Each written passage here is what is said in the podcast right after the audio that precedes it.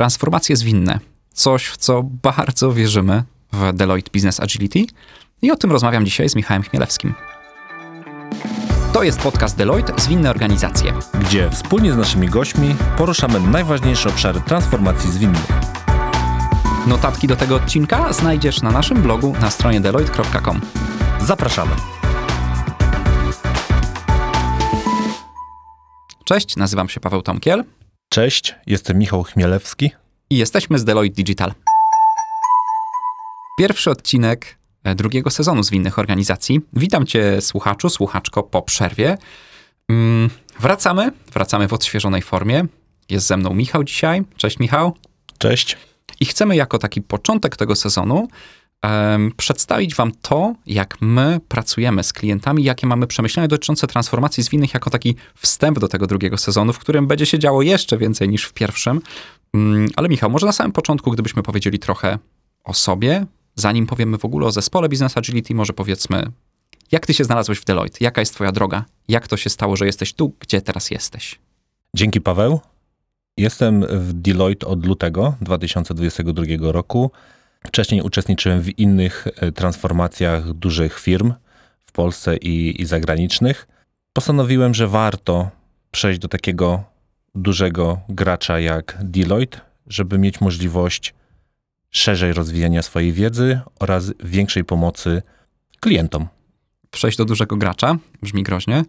E, ja tak w skrócie większość swojego życia zawodowego spędziłem w startupach, w małych firmach i przejście do Deloitte to, to było przejście do dużego gracza, ale do chyba jakby największej korporacji, największej firmy, z jaką miałem okazję współpracować i to się wydarzyło trzy lata temu.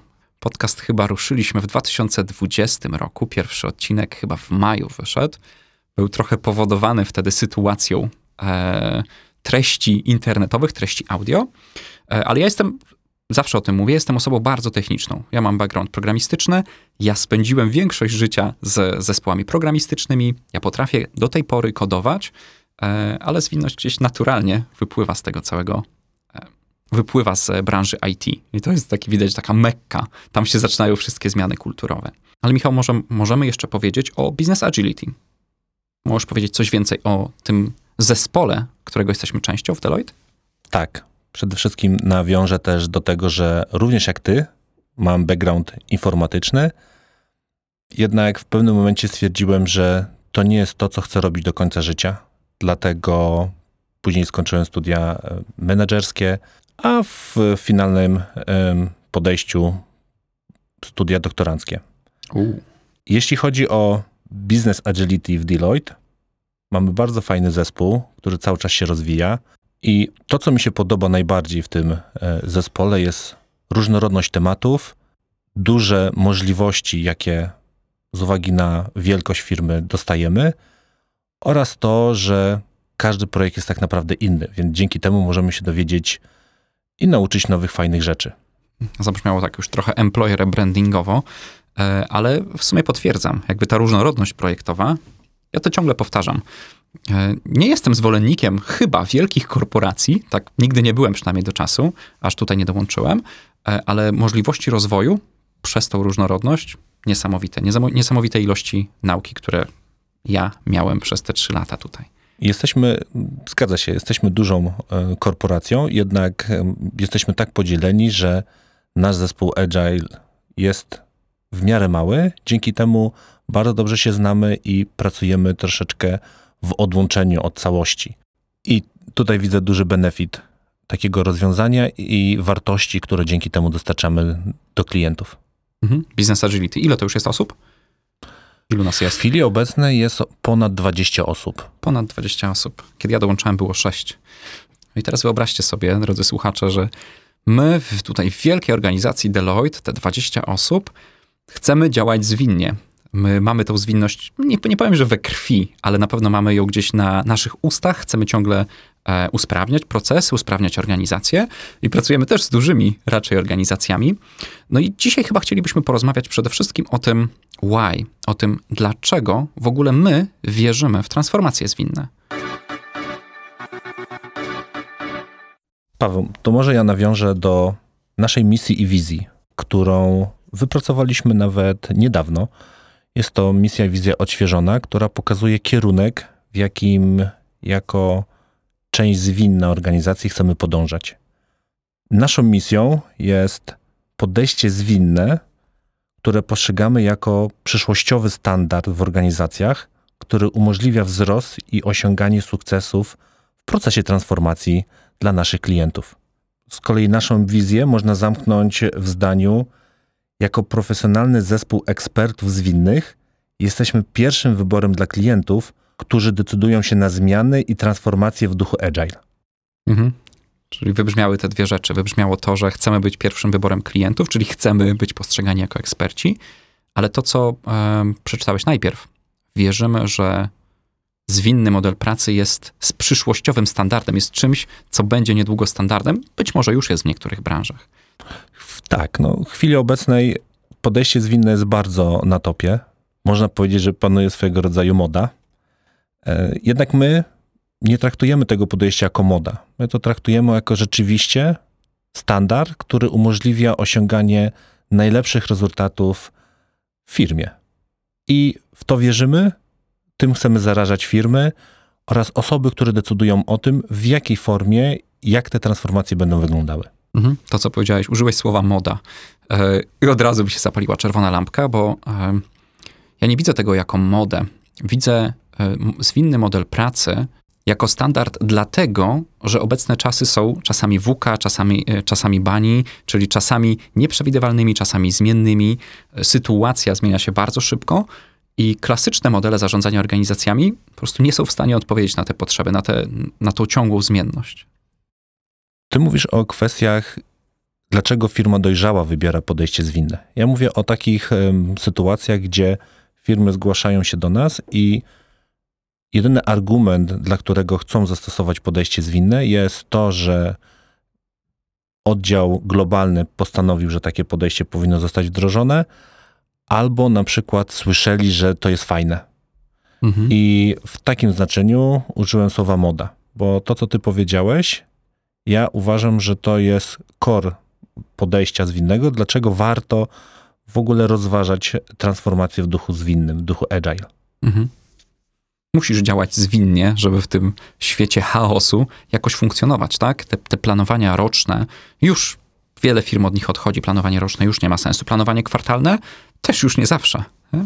trudno jest zaplanować na najbliższy kwartał i włożenie w to e, czasu, włożenie w to e, skupienia całej organizacji, żeby zaplanować kolejny kwartał, po czym te plany i tak po miesiącu musimy zmieniać, może też już nie ma sensu. Dlatego takie podejście zwinne, nie chcę powiedzieć, że bez planowania, e, ale podejście zwinne, które pozwala szybko się adaptować do tej, do tej zmiennej sytuacji, no, wydaje się teraz jedyną drogą rozwoju. Też patrzę z punktu widzenia CEO takich firm, dlaczego oni mieliby zdecydować się na podejście zwinne lub wybrać jakiś inny model transformacyjny. I tutaj pojawia mi się mm, pierwsza myśl, która w ogóle mi przychodzi do głowy, to korzyści, jakie taka osoba może zyskać dzięki tej transformacji zwinnej.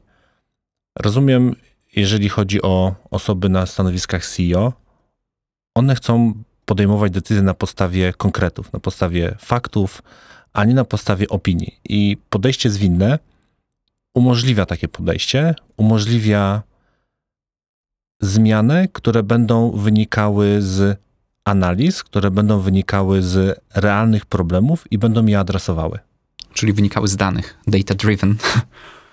Tak, tylko że to nie, też nie chodzi o to, żeby zrobić bardzo dużo pomiarów i później jedynym celem naszej organizacji będzie próba usprawnienia rzeczy, które zmierzyliśmy, do tego, żeby pokazać, że odnieśliśmy sukces. Te miary powinny być mądre i one powinny wspierać tą transformację. Ja uważam, ale to jest moje tylko i wyłącznie subiektywne zdanie, że miary nie są najważniejsze. One pomogą nam zmierzyć, w którym kierunku idziemy i pomogą nam zweryfikować, e, czy podążamy w tym kierunku słusznym. I bardziej ja traktuję miary jako pomoc, która umożliwi nam na odpowiedzenie pytania, czy powinniśmy coś zmienić w dotychczasowym modelu, który zaproponowaliśmy, czy jednak idziemy w dobrym kierunku i nie musimy nic zmieniać. Kiedy powiedziałeś miary, pamiętam, pracowaliśmy kiedyś z klientem, który miar zbierał około tysiąca różnych miar. To jest faktycznie takie podejście bycia data-driven, opierania się na danych. Ale czasem zadaję sobie pytanie, czy faktycznie z perspektywy organizacji, nieważne jak wielka by była, czy tak dużo miar jest potrzebnych, bo you get what you measure, right? Jeszcze nie spotkałem się z żadną organizacją, która wszystkie dane, które zbiera, stosuje i do czegoś wykorzystuje. Zazwyczaj jest tak, że zbieramy dane, ponieważ mamy taką możliwość, systemy to umożliwiają. Czasami też łatwiej jest zmierzyć coś, żeby wybronić się później, że z jakiegoś powodu czegoś nie dostarczyliśmy. Ja wychodzę z założenia, że miary powinny być po to zbierane, żeby nam ułatwiały podejmowanie jakichś decyzji. Czyli najpierw zadajmy sobie pytanie, co chcemy osiągnąć e, dzięki tym miarom, i dopiero wybierzmy takie miary, które najlepiej są w stanie zaadresować naszą potrzebę. Mhm. A wydaje mi się, tutaj bazując na doświadczeniu różnych klientów, zazwyczaj jest odwrotnie. Najpierw zbierzmy sobie dane, a zobaczymy, do czego będziemy mogli wykorzystać. I tutaj, tak samo jak w innych obszarach, nigdy nie mamy czasu na to, żeby te dane przetworzyć. One sobie leżą, archiwizujemy je, jednak nic więcej się z nimi nie dzieje. Bo teraz, Michał, chciałbym chyba przejść, już trochę wypływa z tej naszej rozmowy, dlaczego w ogóle warto rozważyć transformację zwinną, kiedy w ogóle warto, Mm, ale chyba chciałbym przejść do naszych doświadczeń.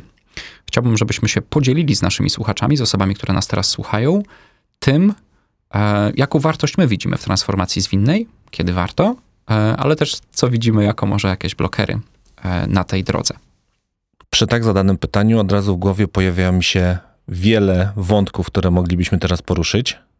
Jednak taki chyba główny, który dotyczy każdej firmy, związany jest z dostarczaniem wartości na czas. Mhm. Czyli przychodzi ten przykładowy lider, przykładowy szef i chciałby wiedzieć, na kiedy dana rzecz zostanie dostarczona. I wydaje mi się, że najwięcej firm ma właśnie z tym problemy. Podajemy jakieś daty, podajemy terminy, które nie mają żadnego poparcia w danych, nie mają żadnego poparcia w poprzednich naszych cyklach dostarczania usług. I to jest rzecz, którą najczęściej liderzy chcą zmienić. Jeżeli zgłosi się do nich firma, która będzie chciała jakiś produkt, jakąś usługę, oni chcieliby wiedzieć konkretnie, na kiedy to zostanie dostarczone. Mhm. Czyli przyspieszenie. Nawet nie tyle co przyspieszenie, bardziej jeżeli się komitujemy do jakiegoś terminu, to żeby to był termin taki, który zachowamy. Przyspieszenie również, z drugiej strony, to nie powinien być jedyny powód, dla którego się transformujemy. Bo jeżeli robimy coś szybko i będziemy cisnąć naszych pracowników i organizacje do tego, żeby dostarczali rzeczy szybko, często może się okazać, że wpłynie to na jakość dostarczanych usług. Mhm. To, co, o co mi chodziło, to jest y, taki moment, że jak ja przychodzę do ciebie i mówię, Paweł, chciałbym, żebyś mi napisał kod do jakiegoś programu, na kiedy to będzie? I ty mi mówisz, że to będzie dwa tygodnie, po dwóch tygodniach do ciebie przychodzę, a ty podajesz mi listę problemów, listę zależności i listę blokerów, które spowodowały, że nie byłeś w stanie tego dostarczyć. Mhm. Listę wymówek, którą, miał, którą mam gotową, albo raczej listę powodów, które Tak. sprawiły, że termin się Listę przesunął. powodów, zgadza się. Mhm. Wspomniałeś już zależności. O zależnościach mówiliśmy już w poprzednich odcinkach, na pewno będziemy mówili. Sama kwestia zależności podczas transformacji zwinnej, chyba wydaje mi się, że akurat w kwestii zależności, w kwestii przyspieszenia, to co powiedziałeś, mm, minimalizowanie ich to jest klucz. Niekoniecznie nawet da się zarządzić wszystkimi zależnościami, bo complexity, bo złożoność rośnie w miarę jak organizacja rośnie, ale minimalizowanie zależności to jest coś, co właściwie Scrum i różne frameworki mają wręcz wpisane w swoje DNA. Jeszcze do tego, co ty mówisz, dodałbym jedną rzecz. Przede wszystkim rozumienie, jakie zależności mamy.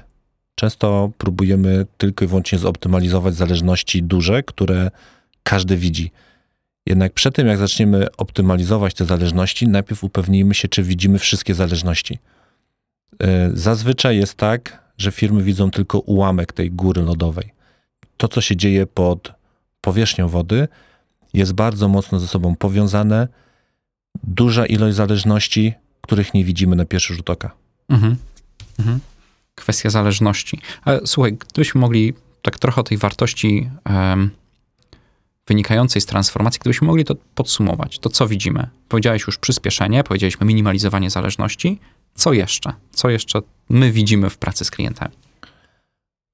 Z racji tego, że ja się też interesuję psychologią i nawet mam startup związany z psychologią, to dla mnie jednym z głównych powodów, które zawsze występują w organizacji, każdej, no, mogę wejść do każdej organizacji i w ciemno powiedzieć, że ten problem istnieje, to jest problem komunikacji. Mhm. Oczywiście, jak wchodzi się do firmy i firma słyszy ten zarzut, nawet nie zarzut, bym powiedział spostrzeżenie, to próbuje się bronić, że u nich komunikacja jest rewelacyjna. Jednak zadając kilka pytań, najczęściej są to pytania dobrze, a dlaczego o tym nie wiedziałeś, a dlaczego nie zapytałeś się, to zawsze jest odpowiedź, albo to jest inny zespół, albo to ktoś inny powinien zrobić, albo nie mam czasu. No i właśnie to jest ta komunikacja.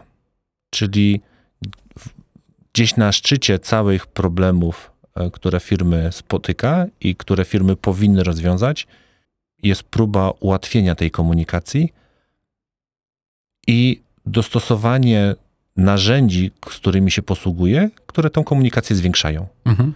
bo jak zwiększamy komunikację, zwiększamy też transparentność. No dokładnie, transparentność. Magiczne słowo, które używa chyba każdy framework zwinny. tak. I nie tylko. Tak, no bo de facto bez transparentności nie wiesz o czymś, nie wiesz czego nie wiesz, są nieznane, niewiadome, a transparentność pozwala wyciągnąć wszystko na światło dzienne, po to by móc tym zarządzić, bo nie da się zarządzić czymś, o czym nie wiesz, czymś, co jest niewidoczne. Tutaj mam bardzo fajną anegdotę, która opisuje, o co konkretnie chodzi w tej transparentności. Jeżeli wchodzimy do firmy, do fabryki i jeżeli do niej wejdziesz i będziesz patrzył, co się dzieje, będziesz widział ludzi, będziesz widział stanowiska, maszyny, jakieś fab- półfabrykaty, jakieś inne elementy i od razu będziesz wiedział, czy jesteś w fabryce, która buduje samoloty, samochody, czy może broń. Jeżeli wchodzisz do biura, widzisz ludzi siedzących przy biurkach, przy komputerach, którzy czasami stoją przy jakichś tablicach, czasami siedzą gdzieś w pozamykanych pokojach. Nie zgadniesz, czym się zajmują do momentu, kiedy z nimi nie porozmawiasz. A my w firmach niestety ze sobą nie rozmawiamy. Znam takie skrajne przypadki, gdzie ludzie siedzieli obok siebie pół roku i pisali do siebie przez Teamsy i nie wiedzieli, że piszą, jeden pisze do drugiego. Kiedy, kiedy zacząłeś porównanie biura do fabryki, to od razu stwierdziłem, że to są nieprzystające modele i faktycznie widać nieprzystające, ale to jest świetna myśl, że faktycznie ta komunikacja jest kluczem w świecie zdalnym, w świecie komputerowym, w świecie, gdzie wszyscy pracujemy przy komputerze. Oczywiście, moim zdaniem obecna sytuacja, która jest powodowana przez COVID i taki szeroko pojęty lockdown, gdzie wiele osób pracuje zdalnie z domów, komunikacja jeszcze bardziej jest potrzebna niż była wcześniej. Wcześniej przy tych złych modelach był jeden szeryf, który chodził, pilnował wszystkich i weryfikował, czy ta praca jest dostarczana. Teraz on nie ma takiej możliwości. Dlatego ważne, żebyśmy mieli ludzi, którzy rozumieją, co robimy. Ważne, żeby te osoby poczuwały się do tego Mhm. i pracowały w duchu, w którym my też wspieramy. No to padło już wiele haseł związanych ze zwinnością, czy to ta transparentność, lepsza komunikacja, ta, ta minimalizacja zależności, to przyspieszenie dostarczania, czy to w kontekście dostarczania wartości, realizacji, bycia terminowym, czy też e, w perspektywie samego time to market. Te wszystkie rzeczy, które wymieniłeś, wpływają na bardzo fajny aspekt. Dzięki temu, że firma osiąga te poziomy zrozumienia, zwiększa się też ownership ludzi do pobierania tematów, do zajmowania się tymi tematami. Zaangażowanie. Mhm. zaangażowanie. Poza tym, takim dodatkowym elementem, który tutaj się może pojawić, jest to, że ludzie będą rozumieli, że mogą też popełniać błędy. A jak wiemy, jak możemy popełniać błędy, mamy większą swobodę do eksperymentowania. Mhm. I trochę to na tym też polega, że firmy powinny dawać przestrzeń tym pracownikom.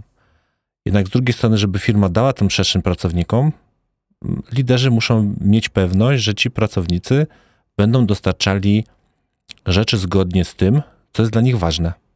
No i tutaj pięknie przechodzimy do misji, wizji i celów strategicznych każdej firmy.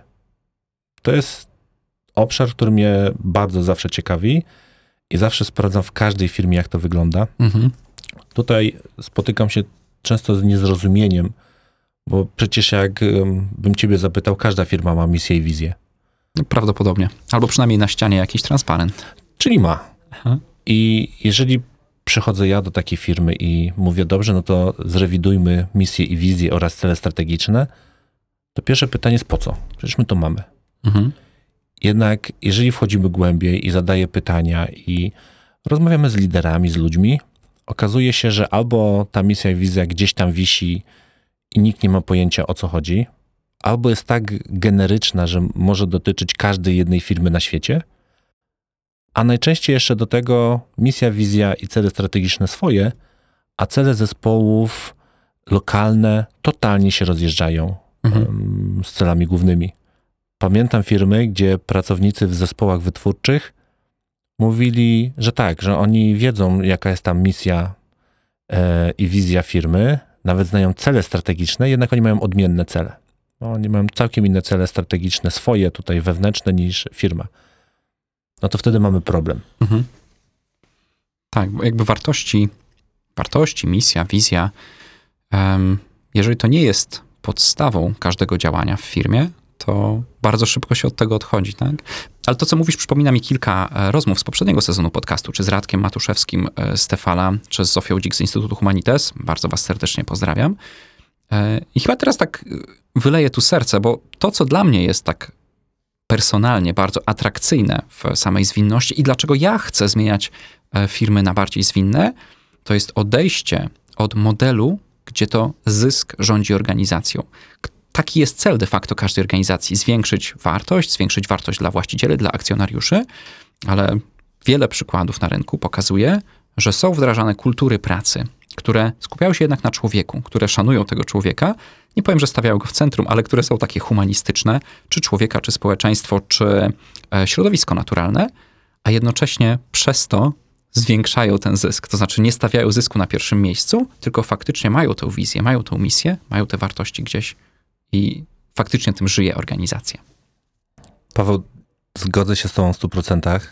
Czasami mam też takie wrażenie, że mi bardziej zależy na podejściu zwinnym niż organizacjom.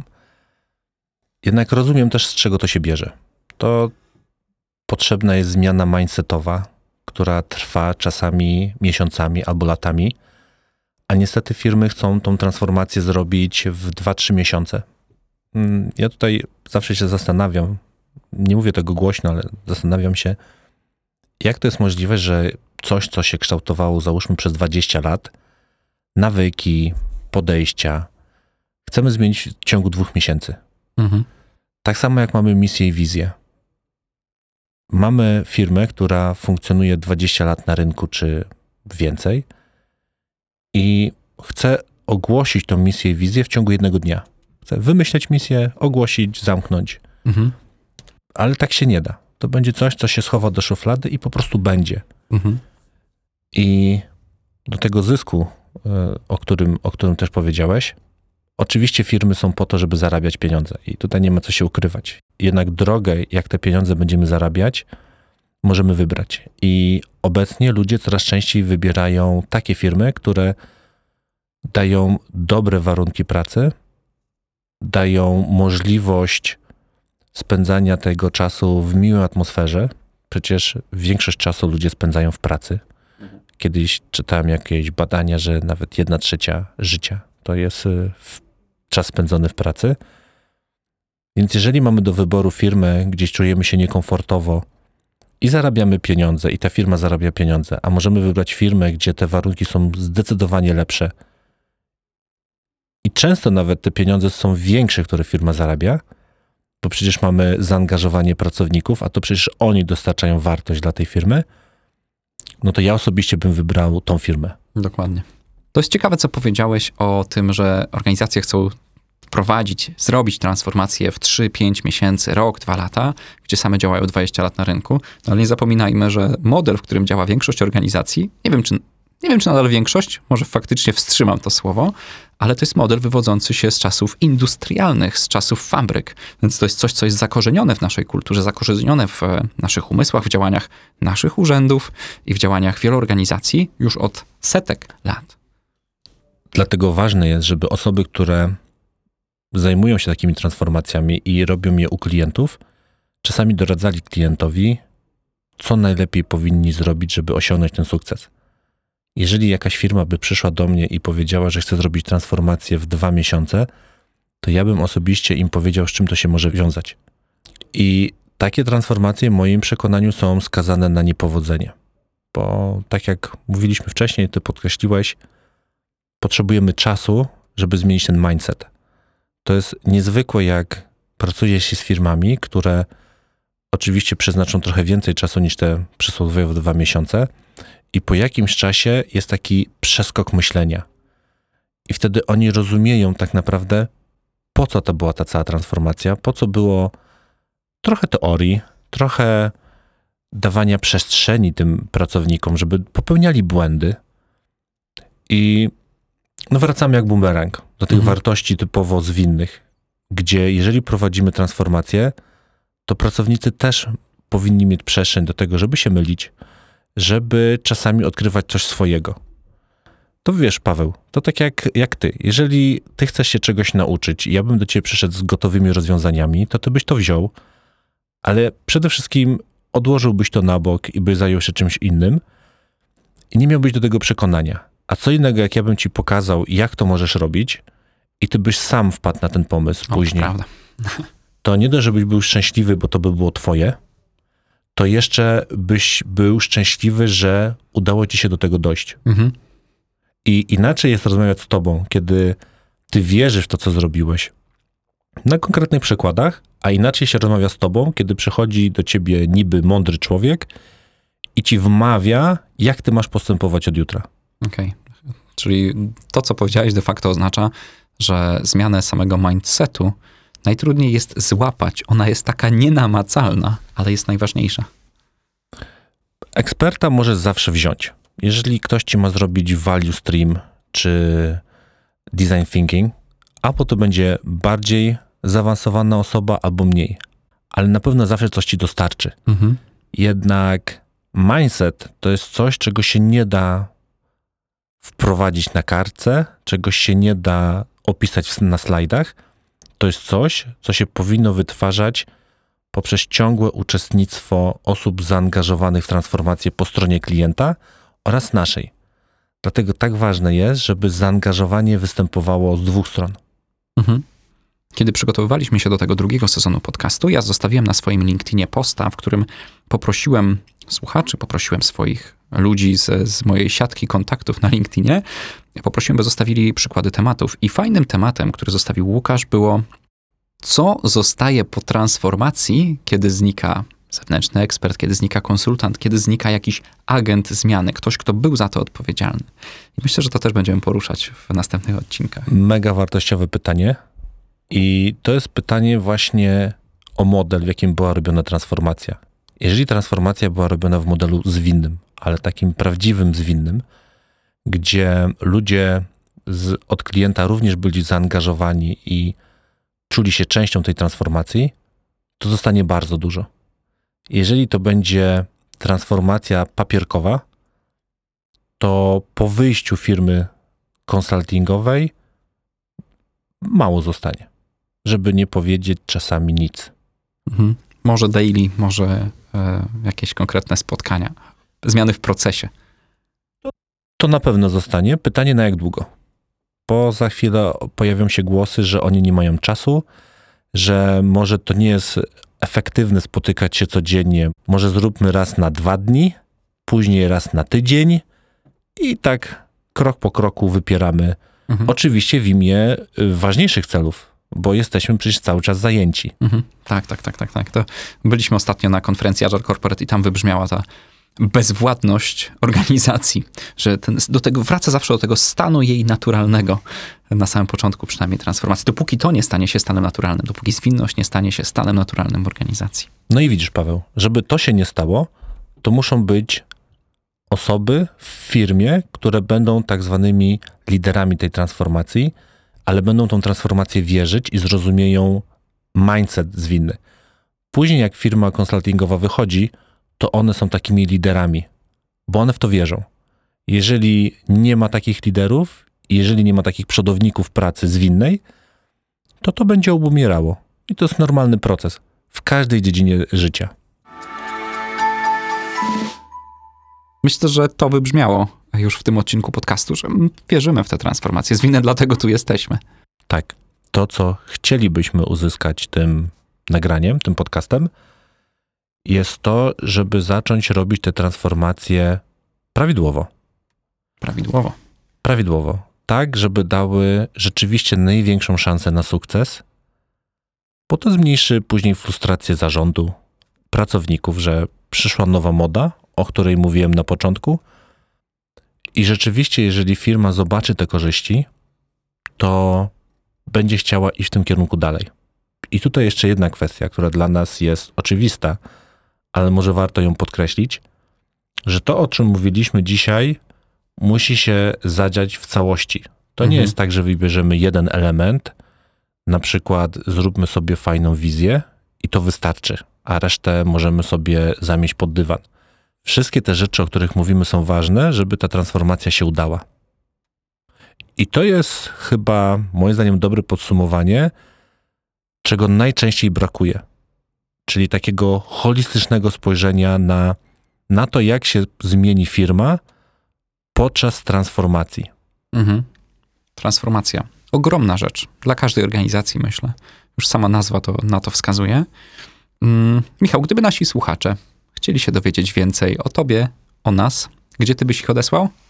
Oczywiście odsyłam na nasz podcast Deloitte, zwinne organizacje, oraz na LinkedIna. O, właśnie, myślałem już, że tego nie powiesz. Tak, tak jeżeli e, chcecie nam podrzucić pomysły do naszego backlogu e, na ten drugi sezon e, podcastu Zwinne Organizacje, myślę, że LinkedIn jest świetnym takim środkiem do kontaktu z nami. Także zapraszamy, odzywajcie się do nas. Chcemy wiedzieć, co o tym myślicie. Chcemy mieć kontakt z naszymi słuchaczami, tak jak każda organizacja chce mieć kontakt, albo raczej powinna chcieć mieć kontakt ze swoim klientem, po to, żeby dostarczać wartość.